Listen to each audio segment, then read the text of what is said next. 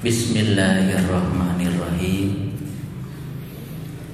Assalamualaikum warahmatullahi wabarakatuh. Alhamdulillahilladzi arsala rasulahu bil huda wa dinil haq liyudhhirahu ala dini kulli walau karihal musyrikun Ashhadu an la ilaha illallah wahdahu la syarika lah. Wa ashhadu anna muhammadan abduhu wa rasuluh Sallallahu alaihi wasallam. La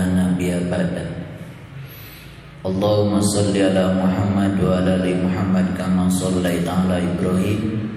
Wa barik ala Muhammad wa ala ali Muhammad kama barakta ala Ibrahim innaka hamidum majid. Subhanaka la ilma lana illa ma innaka antal alimul hakim. Subhanaka allahumma rabbana wa bihamdika asyhadu an la ilaha illa anta astaghfiruka wa atubu ilaik. Astaghfirullahaladzim Astaghfirullahaladzim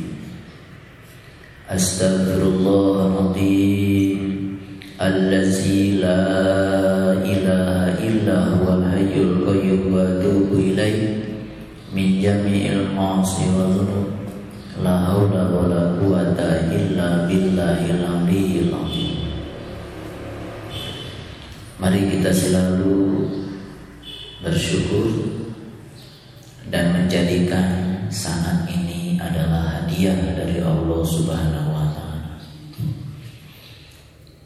Saat ini adalah hadiah layaknya orang yang diberikan hadiah selalu bersuka cita setiap menerima hadiah.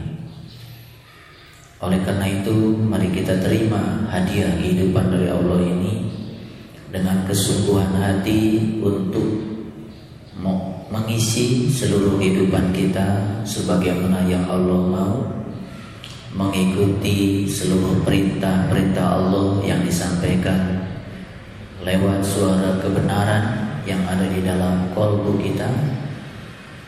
Kita syukuri kenikmatan ini bersama-sama membaca hamdalah. Alhamdulillahirrabbilalamin Salawat dan salam mari kita sanjungkan kepada manusia teragung manusia terhormat sepanjang zaman Nabi besar Muhammad Rasulullah Sallallahu Alaihi Wasallam seraya bersalawat padanya. Allahumma salli ala Sayyidina Muhammad wa ala ali Sayyidina Muhammad. Mari kita wali majelis ilmu ini bersama-sama memohon ridho dan berkah Allah dengan kelembutan dan cinta kita sapa semuanya dengan membaca basmalah Bismillahirrahmanirrahim Hidup itu tidak perlu bertahun-tahun. Hidup itu tidak perlu berbulan-bulan. Hidup itu cuma perlu satu jam saja.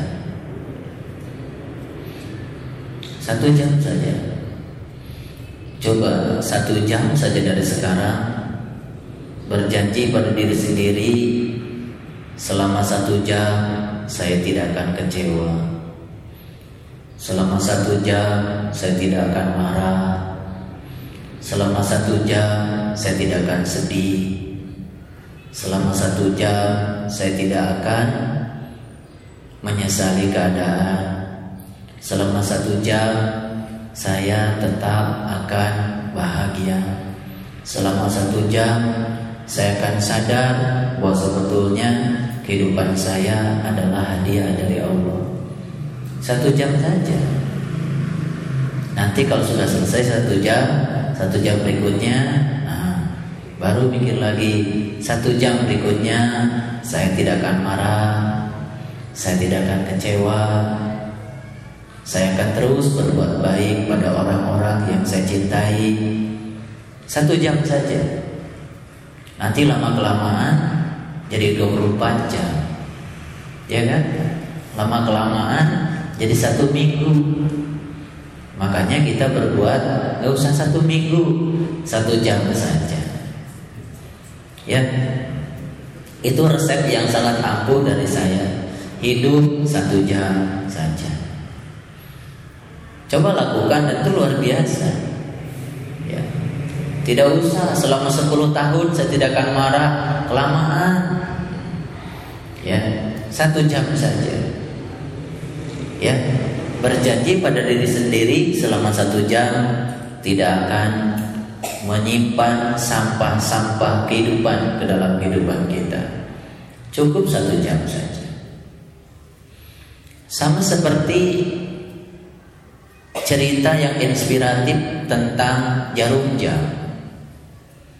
Suatu saat jarum jam itu ditanya sama yang punya jamnya, eh jarum jam mau nggak kamu berdetak 84.600 kali dalam sehari. Jarum jam bilang, wah angkanya saja sudah 84.600 kali. Pakai ribu. Kemudian jarum jam ditanya lagi, mau nggak kamu berdetak saja selama 3.600 kali saja dalam satu jam? Oh, angkanya masih 3600 sudah kalau begitu kamu berdetak saja 60 kali dalam satu menit Jarum jam juga masih merasa tidak sanggup Badannya sudah kurus Namanya juga jarum jam Berdetak 60 kali dalam satu menit Gak mau Ya sudah kalau begitu Kamu berdetak saja sekali dalam satu detik Jarum jam semangat. Sudah kalau begitu, saya mau saya mau berdetak sekali saja dalam satu detik. Ya, satu detik, satu kali, satu detik, satu kali. Kan begitu. Kan lama kelamaan kalau satu menit 60 kali. Satu jam 3600 kali. Satu hari 84600 kali. Satu tahun, dua tahun, Ternyata semua yang panjang dan banyak itu hanya dilakukan sekali-sekali saja. Sama seperti kita mau melangkah jauh menempuh perjalanan 10.000 km misalnya. Kan sebetulnya 10.000 km itu hanya ditempuh dengan satu langkah, satu langkah, satu langkah. Coba nggak usah memikirkan yang 10.000 kilo. Sudah saja kita fokus pada satu langkah. Nyampe nggak kira-kira? kan nyampe. Betul kan? Iya, makanya saya tidak mengajarkan hidup 10 tahun, saya mengajarkan hidup satu jam saja. Mulai saat ini saya akan hidup satu jam saja. Pokoknya sekarang jam 10 sampai jam 11 saya tidak akan marah. Ada orang yang kirim berita yang tidak baik pun saya akan sabar. Satu jam saja coba. Udah selesai satu jam, satu jam berikutnya rencanakan lagi. Coba ayah anda ibunda akan merasakan betapa ada sesuatu yang dasar dan luar biasa terjadi dalam kehidupan kita. Padahal hidupnya cuma satu jam saja.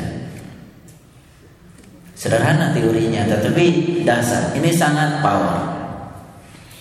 Nah oleh karena itu mari kita tetap bersyukur ya walaupun kita hidup cuma satu jam tapi kalau dalam satu jam itu kita membuat kehidupan kita menjadi lebih bernilai, sesungguhnya itulah kesuksesan itu. Di kesempatan yang penuh berkah ini, saya akan mencoba untuk mengkaji satu pernyataan Allah yang sangat luar biasa di dalam Quran surat Al-Isra. Dan sebelum kita masuk lebih dalam, saya akan menyampaikan dua ayat yang pertama sebagai pembukaan yaitu Quran surat Al-Isra ayat 45 dan ayat 46. Surat yang ke-17 ayat 45 dan ayat 46. Ini pembukaannya. Yang saya akan kaji bukan yang ini. ada yang lebih dahsyat lagi. Tetapi sebagai pembukaannya, pendahuluannya disilahkan untuk melihat Quran surat 17 ayat 45 dan ayat 46. Saya akan bacakan perlahan dan mohon diperhatikan dengan seksama. A'udzubillahi minasyaitonirrajim. Bismillahirrahmanirrahim. Wa iza qara'tal Qur'an ja'alna bainaka wa bainal ladzina la yu'minuna bil akhirah hijaban mastura Wa iza qara'tal Qur'an dan apabila kamu membaca Al-Qur'an Ja'alna bainaka wa bainal ladzina la yu'minuna bil akhirah. Niscaya kami adakan antara kamu dan orang-orang yang tidak beriman kepada kehidupan akhirat? Hijaban masturo hijab itu adalah dinding. Hijaban masturo suatu dinding yang tertutup. Jadi kalau orang beriman dengan orang yang tidak beriman kepada keduanya dibacakan Al-Quran itu kalau untuk orang yang beriman tidak ada hijab tapi untuk orang yang beriman akan ada suatu dinding suatu hijab yang dinding itu menyebabkan orang yang tidak beriman sulit sekali untuk bisa mendapatkan hikmah dari bacaan Al-Quran. Jadi Quran surat Al-Isra ayat 45 ini sebagai pendahuluan saja memberikan suatu isyarat kepada kita bahwa kalau kita ingin mendapatkan hikmah dari bacaan Al-Quran dan kita bisa memahaminya menjadikan iman kita bertambah kita mendapatkan hikmah daripadanya syarat utama untuk membaca Al-Quran supaya mengerti kita harus dalam keadaan beriman. Jadi harus dalam keadaan terbuka pandangan kolbu kita kepada Allah. Dengan demikian kita akan bisa berkomunikasi dengan bahasa-bahasa tinggi, bahasa-bahasa langit, bahasa-bahasa spiritual. Kita teruskan ayat yang ke-46 wa ja'alna ala qulubihim akinnatan ayyafqahuhu wa fi adanihim waqara. Dan kami adakan tutupan di atas kolbu mereka. Ini kolbunya orang yang tidak beriman. Dan sumbatan di telinga mereka. Subhanallah agar mereka tidak dapat memahaminya. Ya. Jadi kita harus jujur bahwa sebetulnya kita baca Quran itu dari dulu. Tetapi kita tidak bisa memahaminya. Penyebabnya cuma dua. Karena memang ya ada tutupan di atas kolbu kita yang disebut dengan hijaban mastur Lalu kita juga menjadi tidak bisa memahaminya karena ada sumbatan di telinga kita. Telinga yang mana? Bukan telinga yang lahir. Semua orang secara lahir kalau kepadanya dibacakan Quran pasti mendengar Quran yang sama. Tetapi dampaknya secara batin itu tidak ada. Karena yang dibutuhkan untuk membaca Al-Quran dan memahaminya itu bukan sekedar telinga lahir, tapi yang dibutuhkan adalah telinga batin kita, telinga jiwa kita. Ya. Kemudian di sini dikatakan agar mereka tidak dapat memahaminya. Jadi kesimpulannya ketika kita membaca Al-Qur'an tidak bisa memahaminya, berarti kondisi kita sedang dalam keadaan tertutup oleh hijaban masturo. Ada suatu dinding tebal yang menutupi kita.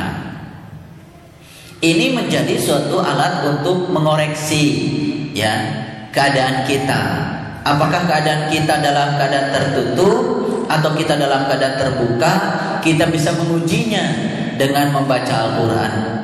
Begitu kita membaca Al-Qur'an merasakan getarannya, bahkan kita bisa menyelam memahaminya, berarti kita membaca dalam keadaan terbuka, membaca dalam keadaan iman.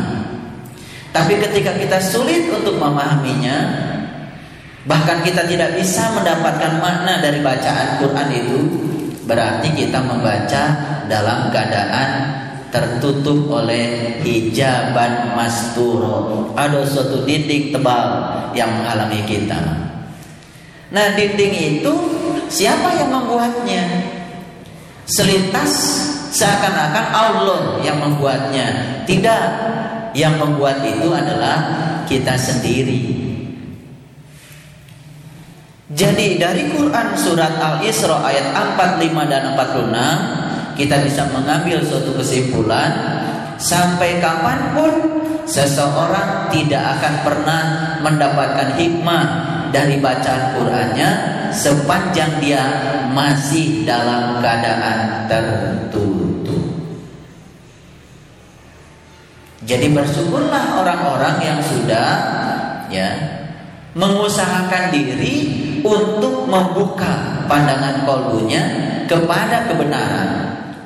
Karena dengan demikian kepadanya akan dialirkan pemahaman-pemahaman yang pemahaman itu tidak pernah dialirkan selain kepada orang yang beriman. Jadi kalau pada saat ini kita membaca Quran surat Al-Isra lanjutannya dari ayat 45 dan 46 mendapatkan getaran, mendapatkan pemahaman, mendapatkan pengertian itu kita bisa ya dengan penuh dengan kerendahan hati berarti Allah sedang membukakan pintu kolbu kita. Allah pun hanya akan membukakan pintu kolbu orang-orang yang ingin dibukakan olehnya. Yahdillahu linurihi mayyasha.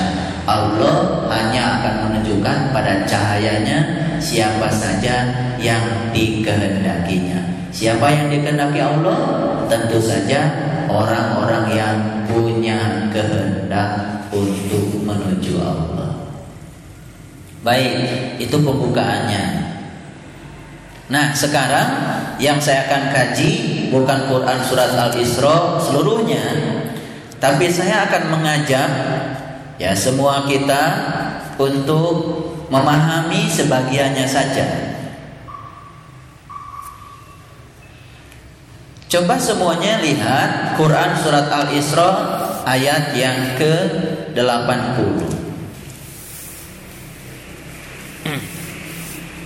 Al-Isra ayat yang ke-80.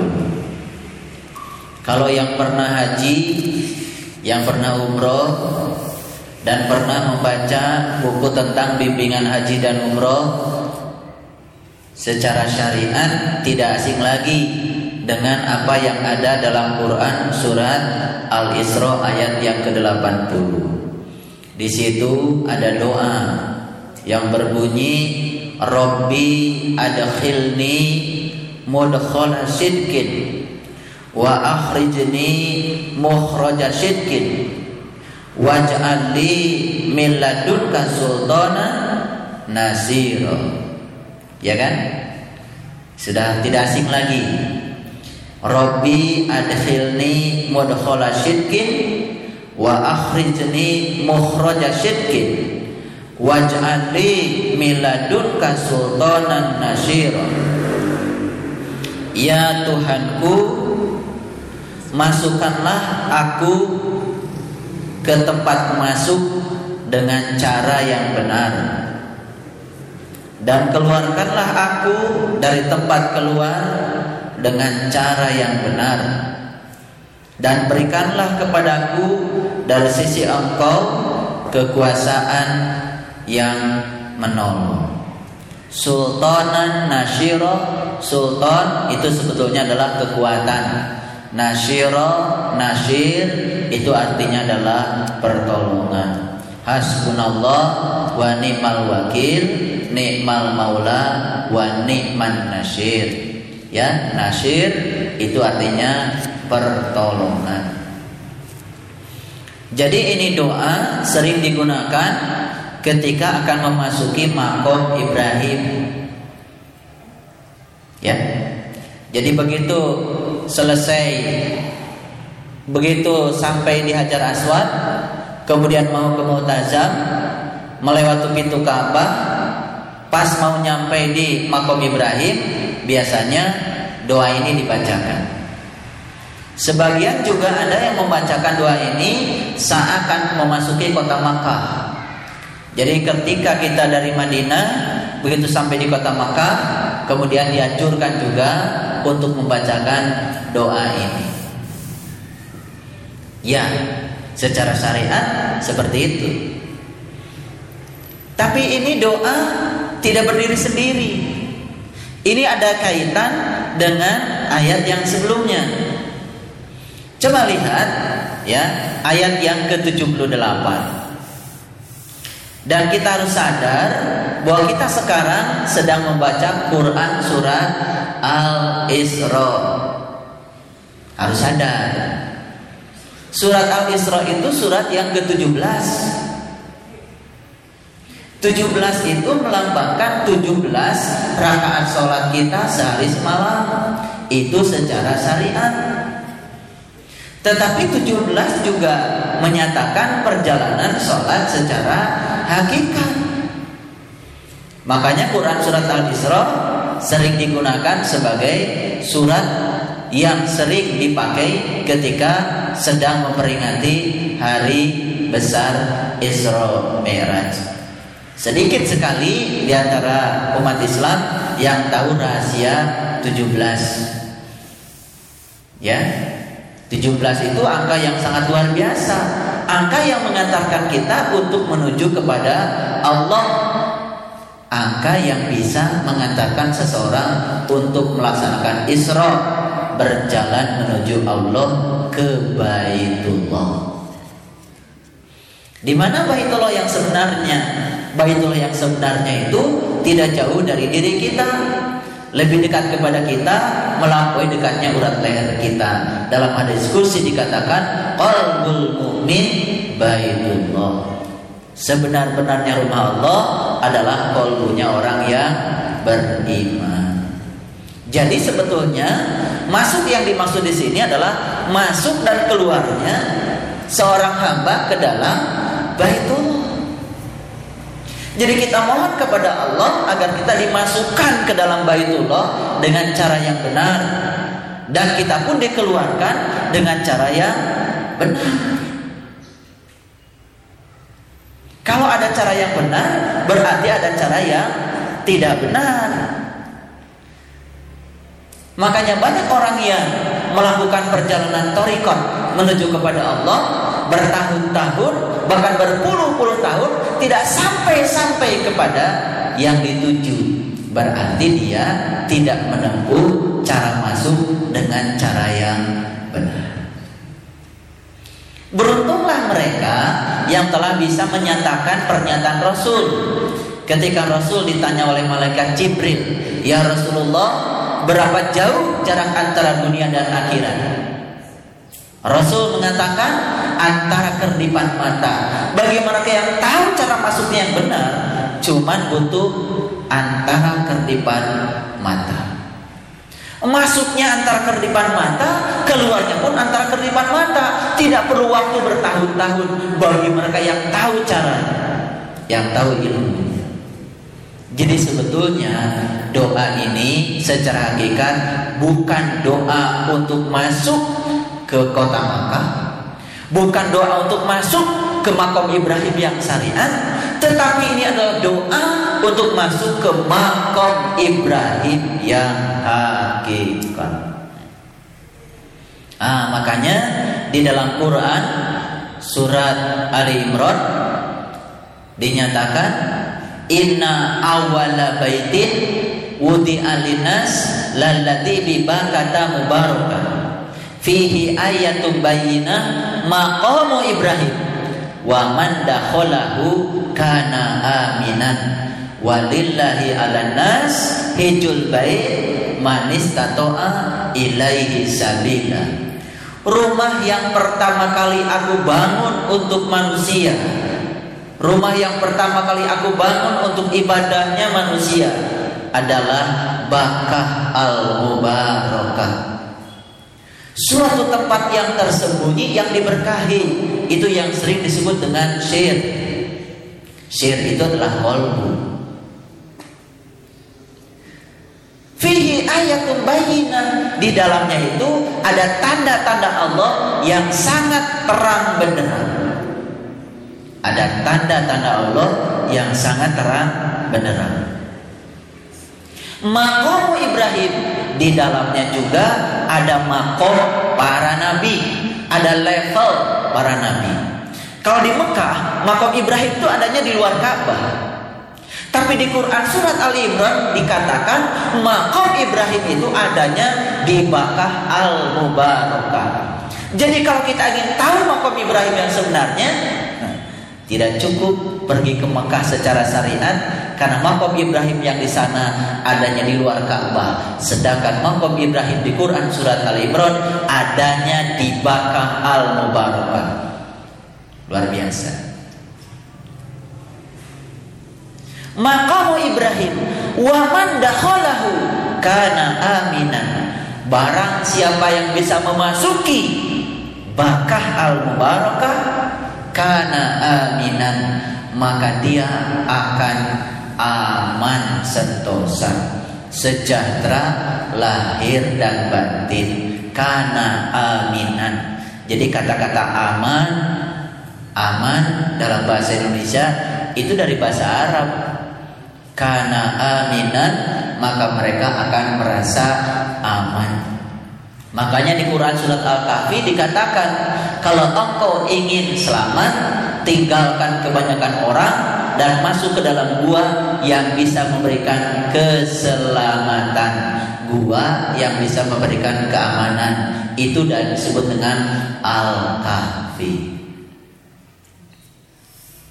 Gitu. Jadi kalau begitu Al-Kahfi ya baka Al-Mubarakah itu.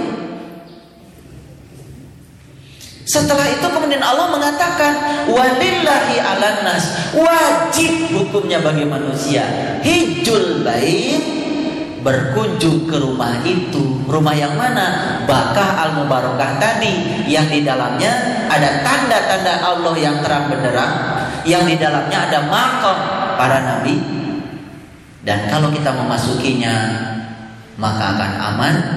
Maka kata Allah wajib hukumnya bagi manusia berkunjung ke rumah itu. Hijul bait manis tatoa ilai sabila. Bagi siapa wajib itu? Bagi mereka yang tahu sabila, yang tahu jalannya.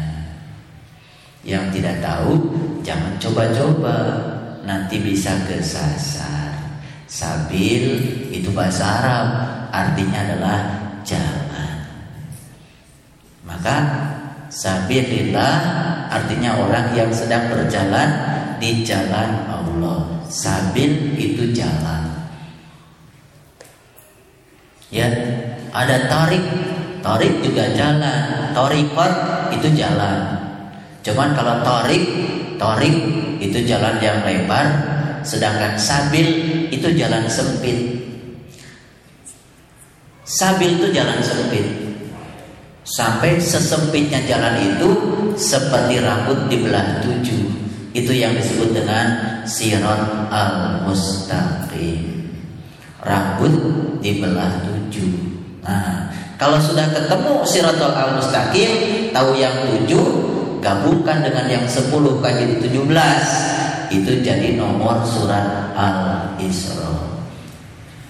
Makanya di sini dikatakan Robbi adhilni mudkhala sidqin. Ya Allah, masukkanlah aku ke tempat itu dengan cara yang benar. Wa akhrijni mukhraja sidqin dan keluarkanlah aku dari tempat itu dengan cara yang benar. Jadi sepanjang kita ada hidup di dunia ini, masih ada tugas-tugas keduniaan, kita baru bisa masuk dan keluar.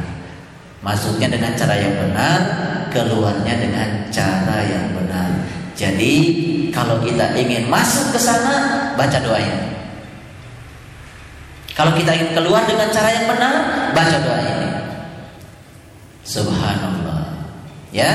Kemudian waj'ali miladunka sultanan nasyir ya dan berikanlah kepadaku dari sisi kau kekuatan yang menolong. Itu yang disebut dengan nasyir makanya nasyiro jadi nasoro. Nasoro sering diterjemahkan nasrani. Padahal nasyoro itu bahasa Arab artinya orang yang mendapat pertolongan ya hati-hati ya. Makanya jangan buru-buru menghujat kalau nggak tahu. Jangan buru-buru menghukum kalau tidak tahu ya. Makanya orang-orang yang sudah tinggi kearifannya tinggi kebijakannya tinggi ilmunya semakin tinggi dia punya ilmu semakin takut untuk menghakimi orang lain. Makanya ciri orang yang sudah lurus akhlaknya dia berhenti mencari-cari kesalahan orang lain dia sibuk mencari kesalahannya sendiri dalam kitab Al-Hikam dikatakan tidak perlu kamu mencari-cari kegoiban yang ada pada dirimu. Cari saja aib-aib yang ada pada dirimu, maka setelah kau menemukan aib-aib yang ada pada dirimu, kegaibanmu akan terbuka dengan sendirinya. Jadi kalau ingin mencari mutiara yang asli, jangan mencari mutiaranya, cari tiramnya.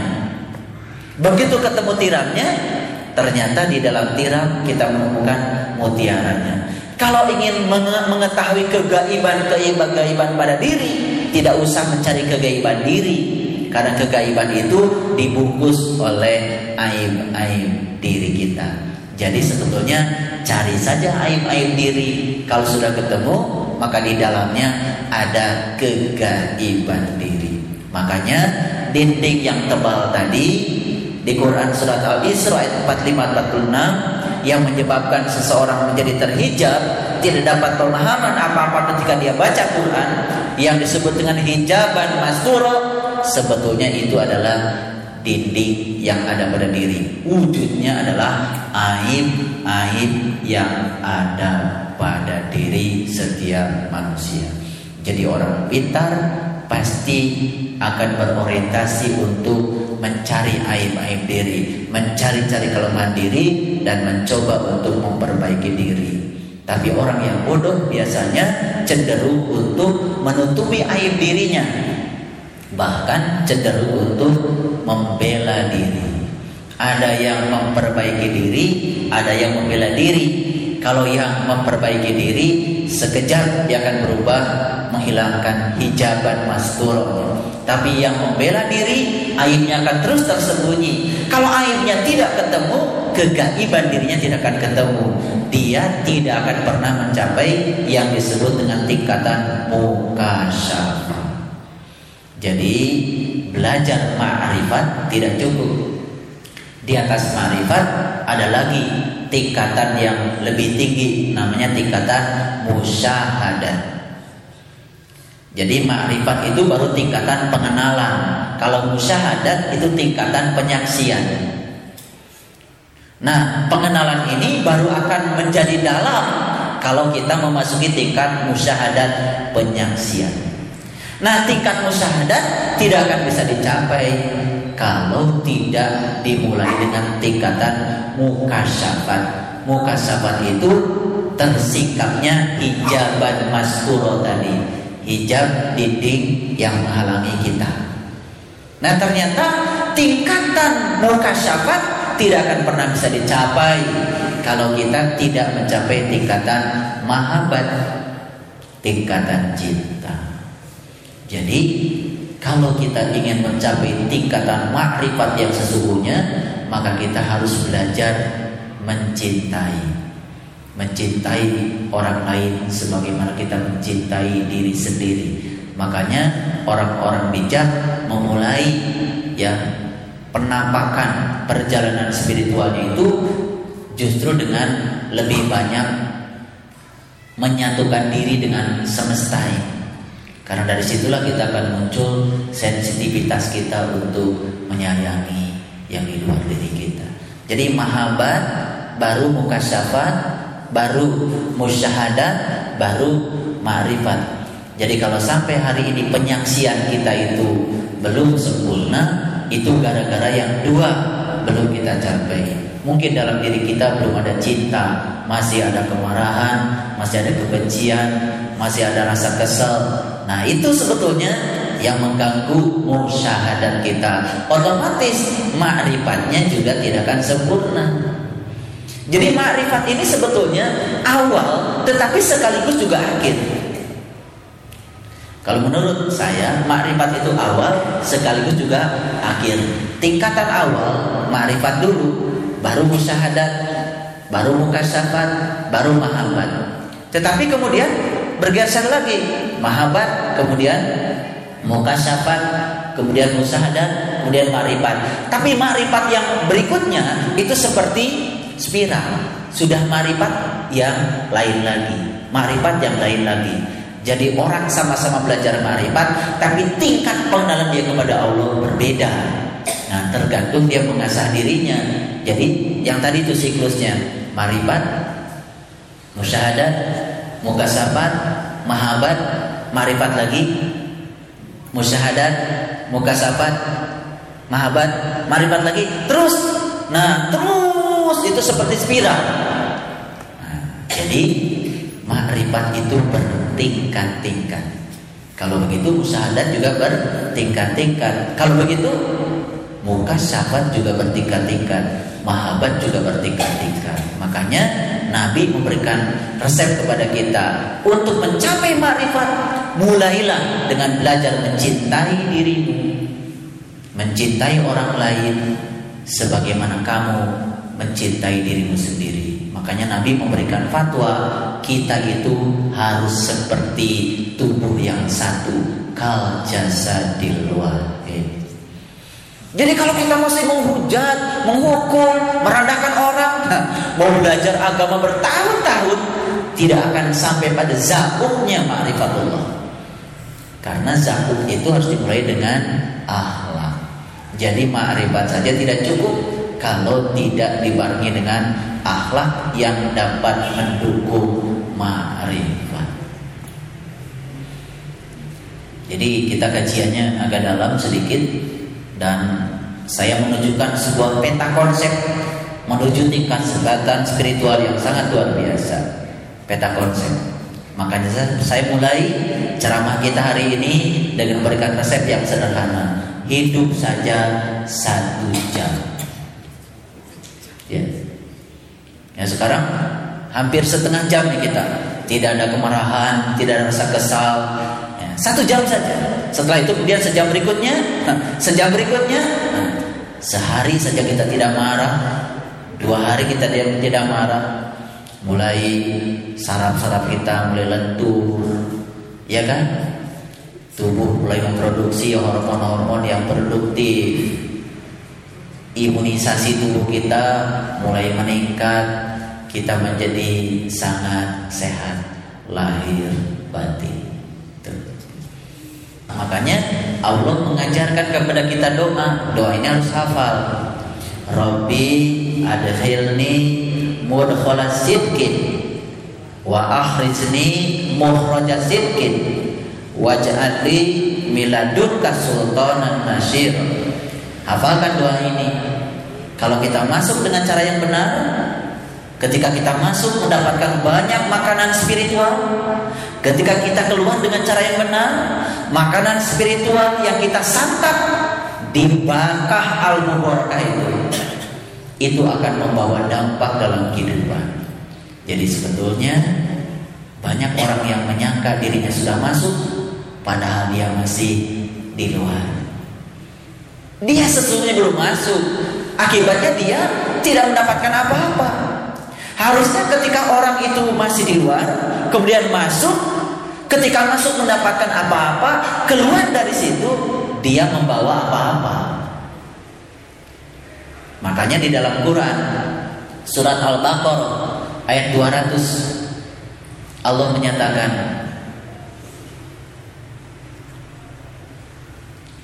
Apabila kamu telah menyelesaikan manasik Faiza tukum manasikakum.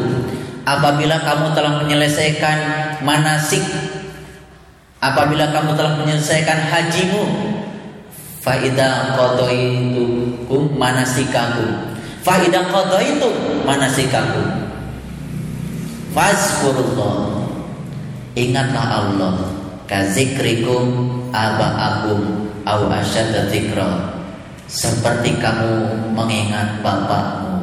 Tidak bahkan harus lebih hormat mengingatnya. Ada? Itu itu kan sebetulnya kita itu asalnya di luar. Kemudian kita masuk. Faida qadoitukum faida qadaitum manasikakum apabila kamu telah menyelesaikan hajimu. Haji itu apa? Masuk Masuk ke mana? Masuk ke Baitullah, berkunjung ke rumah Allah. Apabila kamu telah menyelesaikan hajimu, nah berarti sudah masuk. Apa tugas berikutnya? Kazikrikum abaakum. Ingatlah Allah seperti kamu mengingat bapak. Awalnya belum ingat, begitu masuk mendapatkan sesuatu pengalaman di sana. Keluar dari situ mengingat apa yang dia saksikan ketika masuk itu berarti sudah mendapatkan pengkabulan dari doa yang diajarkan di Quran surat Al-Isra Kondisi pada saat sebelum masuk dengan kondisi pada saat sudah masuk berubah. Ayo, sebelum sholat kondisinya begitu, habis sholat kondisinya masih begitu, itu belum masuk. Sebelum umroh kelakuan seperti itu, habis umroh kelakuannya tetap seperti itu, belum masuk. Sebelum haji seperti itu, setelah haji seperti itu, belum masuk. Awal puasa seperti itu, habis lebaran seperti itu, belum masuk. Jadi sebetulnya banyak orang yang mengira dirinya sudah masuk, padahal yang masih di luar. Nah, inilah doa yang luar biasa. Rabbi adkhilni mudkhala sidqin wa akhrijni mukhraja sidqin waj'al li miladunka sultanan nasyir. Subhanallah. Ya, sering-sering baca doa ini supaya kita dimasukkan dengan cara yang benar, dikeluarkan dengan cara yang benar dan sebelum kita masuk dan setelah kita masuk kita mendapatkan peningkatan kualitas spiritual yang berwujud adanya pengalaman-pengalaman ruhani pada diri kita. Itu yang menyebabkan kita pasti akan mengalami suatu transformasi.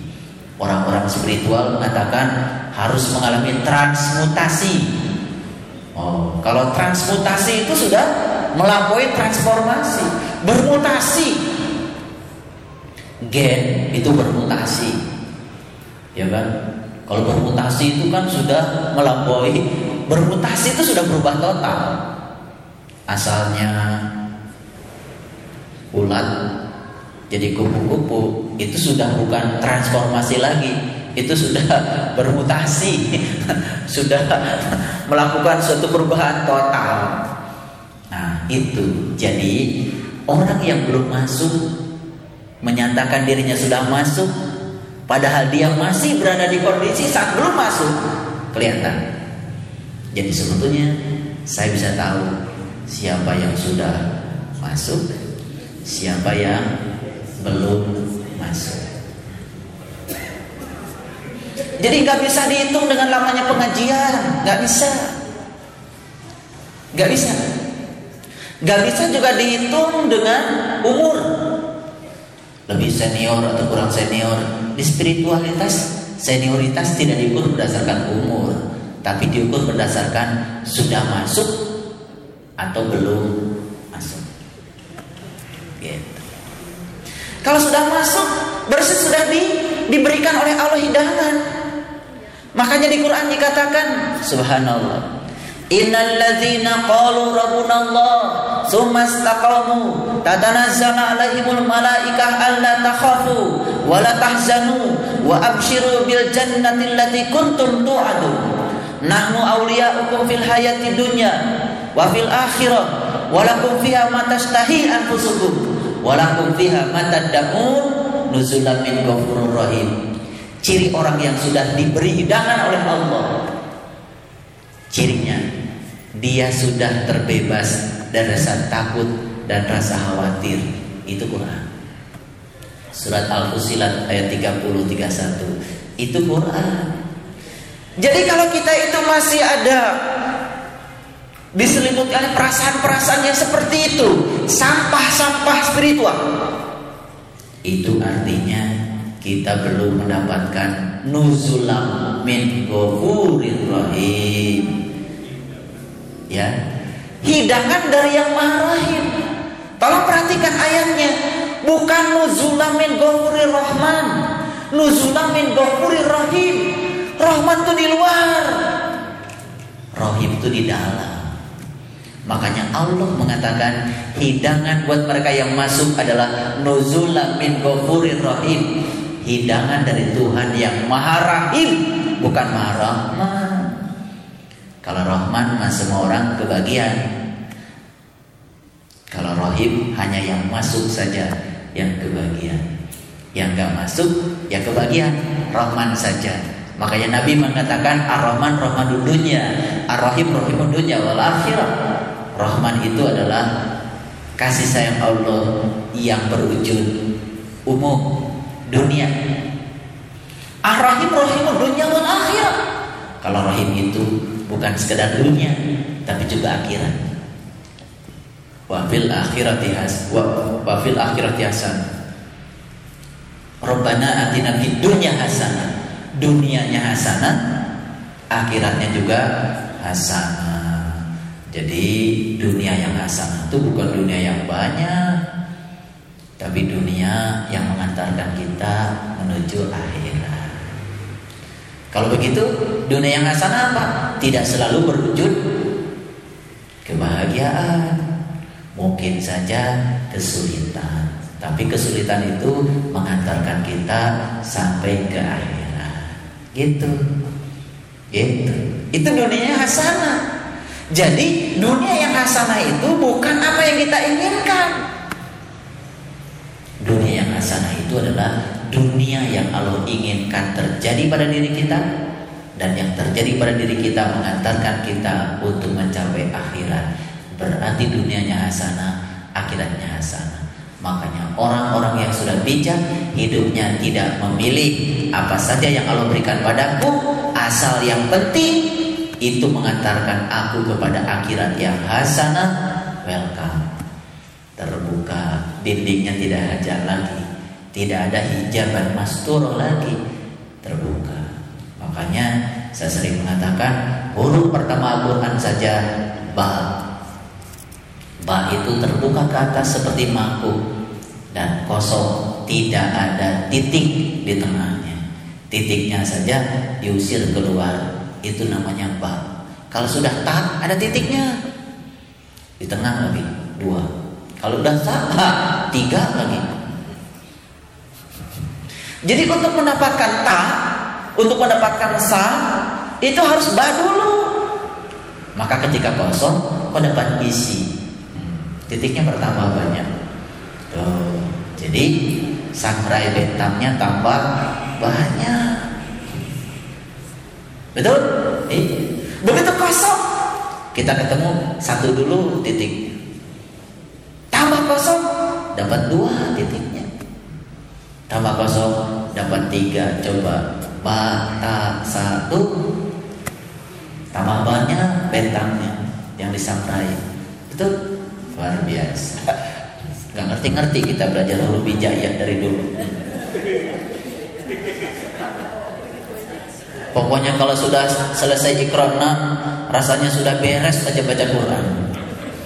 Iya kalau udah tertib baca Quran rasanya sudah di surga saja. Ya Allah. Ya kita belajar huruf ikhlas. Nun mati ketemu dengan ba dibacanya mim. Yang diperbaiki itu cuma mim uh, kurang ayum kurang ayum mim uh, terus saja itu. Kita tidak pernah perhatikan kenapa nun mati ketemu ba atau dibacanya mim. Nur itu artinya nurullah, ba artinya baitullah. Kalau kita sudah menemukan nurullah di dalam baitullah, maka kita akan mendapatkan mim ma'rifatullah. Di mana itu ikhlas, ikhlas itu qalbu. Ya Allah.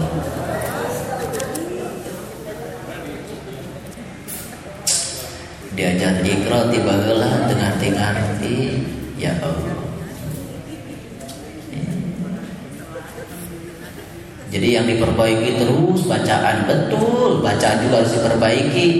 Tetapi kalau kita cuma dapat min min min cuma dapat itu, ya sudah, cuma hiungnya saja. Bukan itu. Mim harus resonan. Ketika kita baca mim Nah, ketika kita sedang memunculkan suara, suara itu menggetarkan seluruh sel dalam tubuh kita. Itu sedang mensujudkan seluruh sel kita kepada Allah. Kapan itu terjadi? Kalau seluruh sel dalam tubuh kita sudah bertemu dengan nun. Kalau semua sel dalam tubuh kita sudah percaya. Kapan seluruh sel dalam tubuh kita percaya dan merasakan getaran dari Allah? Min. Nah, sudah. Jadi kenapa kalau orang-orang meditasi itu selalu menggunakan meditasi suara? Mereka itu menggunakan suara itu untuk melakukan suatu getaran, vibrasi. Sebenarnya dalam Islam juga ada bacaan Quran yang benar gunanya. Benar baca gunanya. In Nah, benar innya ada getaran, getaran dibacakan dengan benar. Getaran itu bisa menggetarkan seluruh sel dalam tubuh kita. Seluruh orang yang membaca bacaan kita tergetar selnya. Percaya semua. Makanya ketika nun dapat tasdid harus dibacanya guna. Dua harokat dibacanya. Tiba diajar tajwid dengar-dengar.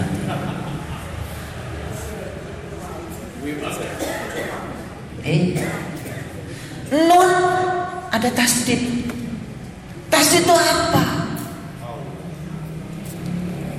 Tasdid itu ini. Sumber getaran di sini. Tasdid itu di sini. Makanya alif, lam, lam, lam yang kedua menuju tasdid. Alif, lam, lam. Lam yang kedua kan di sini. Kalau sudah lamnya menuju sini, menuju tasdid, ya sudah, percaya semua.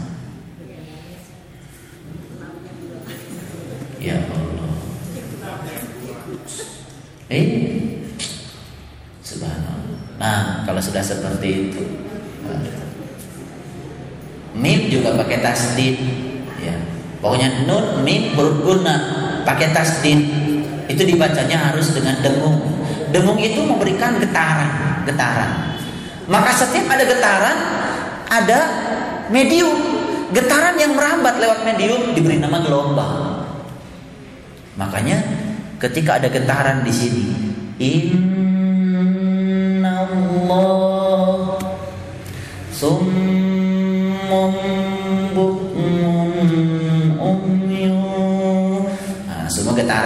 di sini semuanya di sini.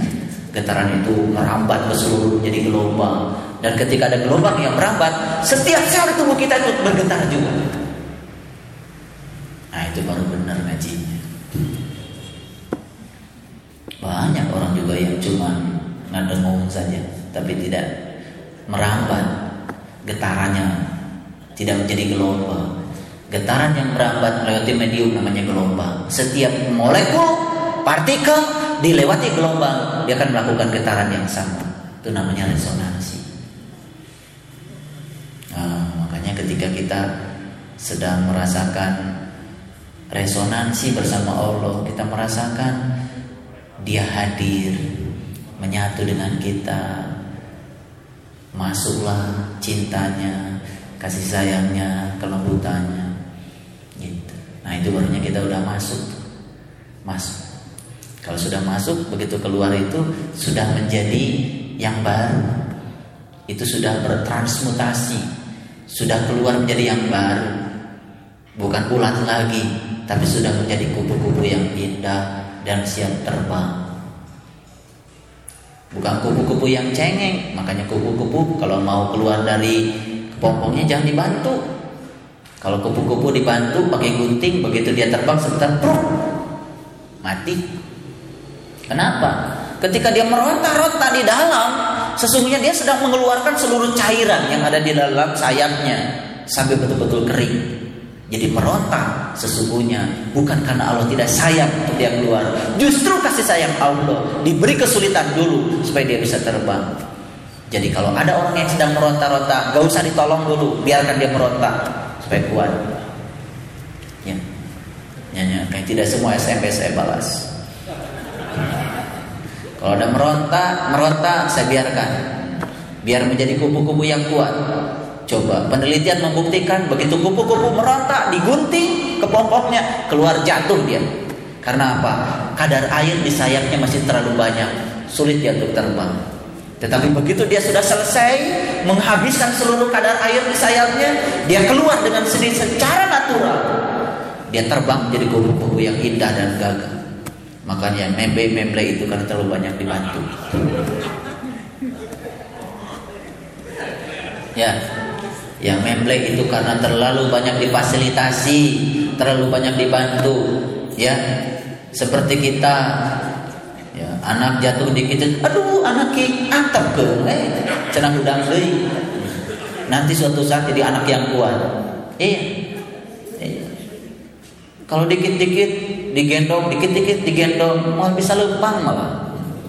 Salah sayang kita itu. Kasih sayang kita itu harus seperti Allah menyayangi kita.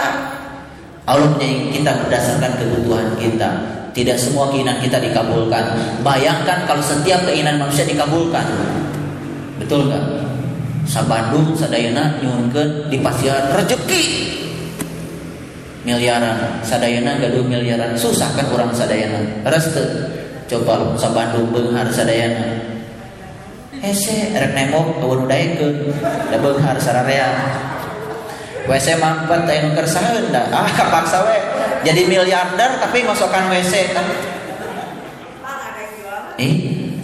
Kita menganggap kalau semua doa kita dikabulkan menjadi bagus, tidak. Justru Allah tuh tahu saat mana dikabulkan, mana yang belum. Karena Allah tahu untuk mendinamikan kehidupan ini. Bayangkan kalau saya sekarang punya uang miliaran, semua orang juga di Tenggang punya uang miliaran. Saya mau memperluas gedung di sini. Susah. Nembok kudu sorangan, beureun heula pengajian. Sabut punten abdi nuju nembok. Ada bengar sararea. Betul enggak? Jadi jangan menganggap kalau kita itu keinginan kita itu benar. Makanya hidup yang paling indah itu adalah berserah diri kepada Allah. Kerja ya kerja, berbuat baik berbuat baik, usah mikirkan apa yang akan didapat. Allah tahu yang terbaik untuk kita. Jadi kupu-kupu baru menjadi kupu-kupu yang gagah dan hidup lama kalau dia itu dibiarkan keluar sendiri. Ya, coba sekarang anak kita meronta dari perut, biarkan. Tong dibeset, betul nggak? Hmm. Cenah keluar seorang kuat.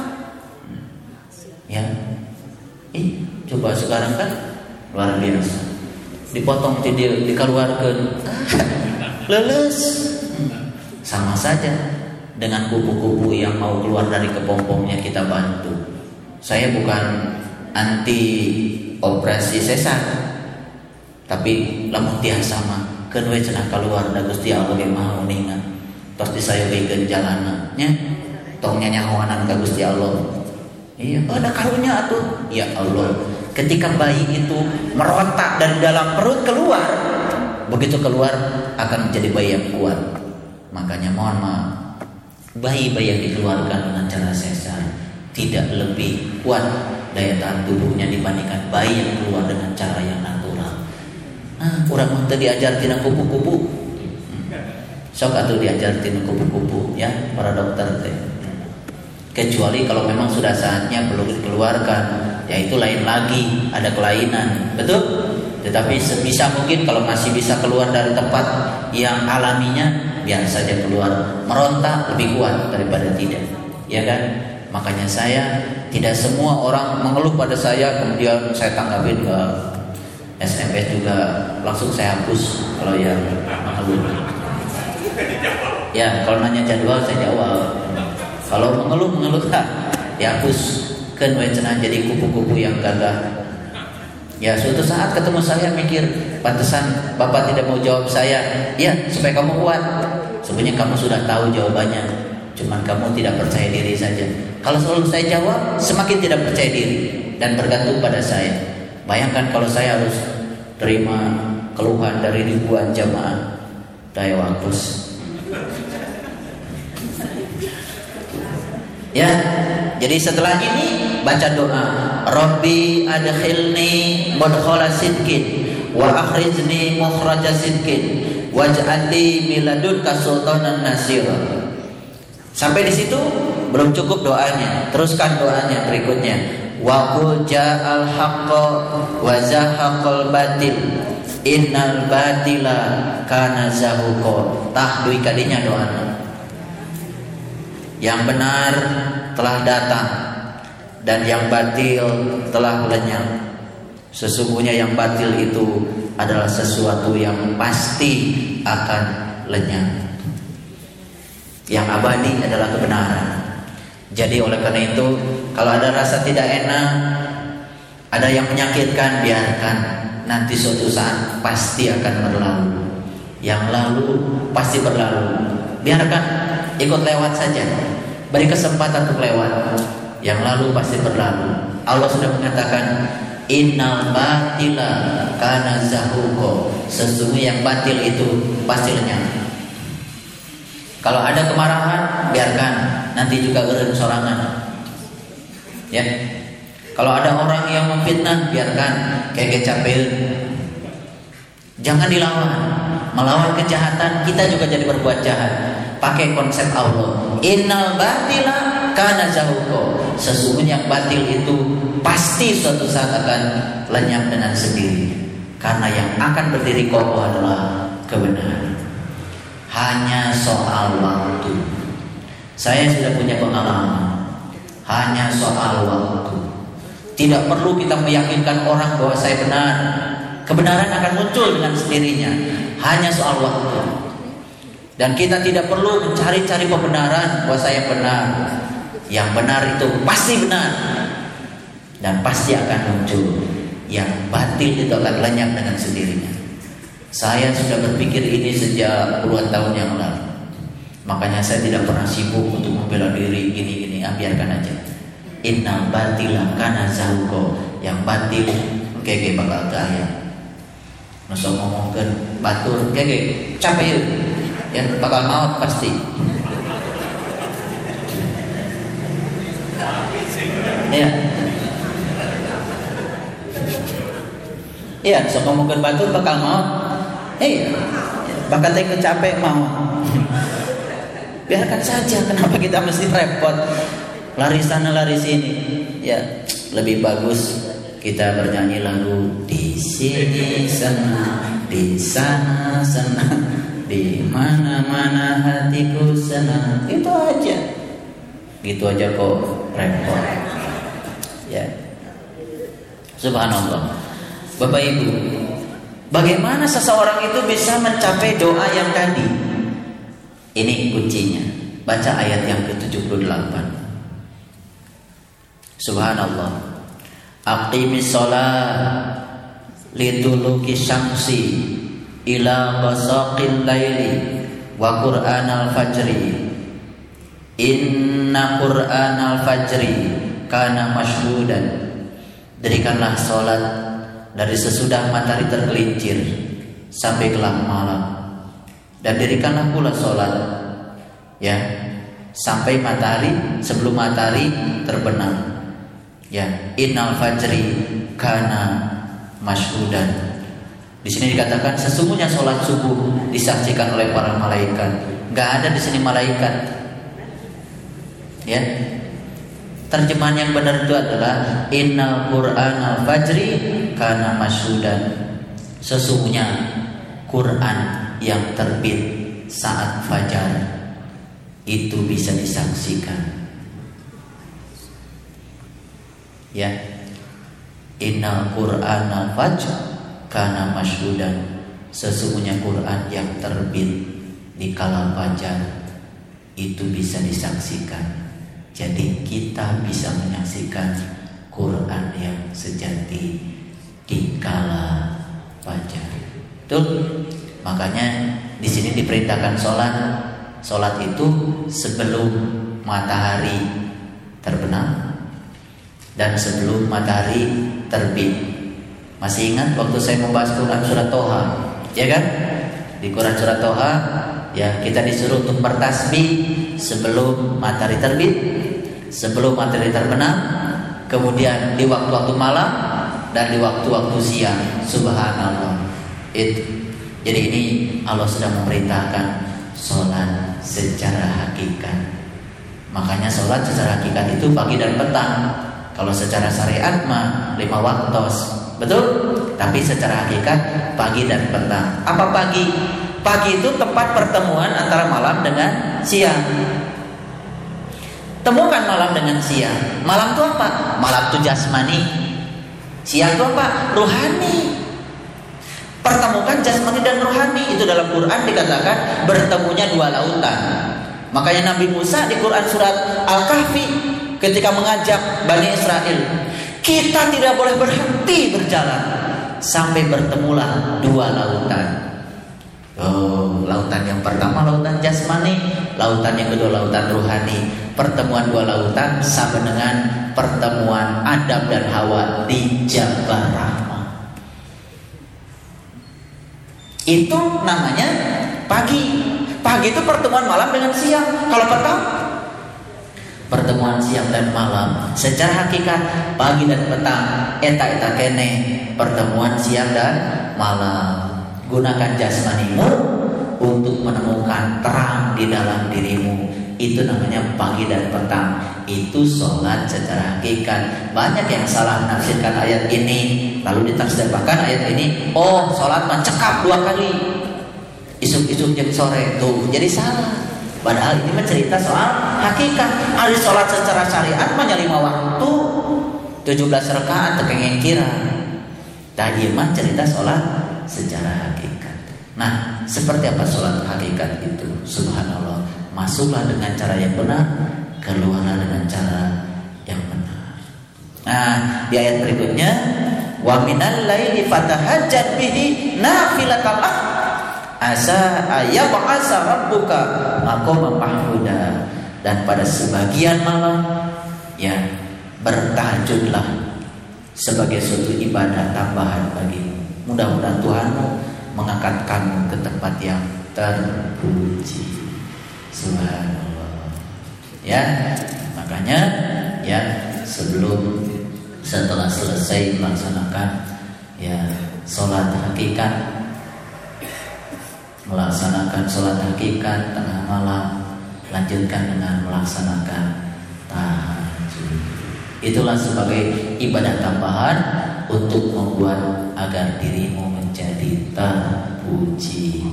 Baru kita doa Rabbi adkhilni mudkhala sidqin wa akhrijni mukhraja sidqin waj'al li min ladunka sultanan nasyira wa qul ja'al haqqo wa ja'al batil innal batila kana zauqa percaya sama saya kalau hari ini kita mendapatkan yang tidak enak nanti suatu saat pasti berlalu dengan sendirinya. Semua kebatilan akan lenyap dengan sendirinya tanpa kita harus melawan. Itu yang bisa saya sampaikan hari ini. Mudah-mudahan Allah menjadikan ilmu kita hari ini ilmu yang berkah dan menjadikan kita menjadi jauh lebih baik. Terima kasih atas segala perhatiannya. Mohon maaf bila ada kesalahan. Assalamualaikum warahmatullahi wabarakatuh.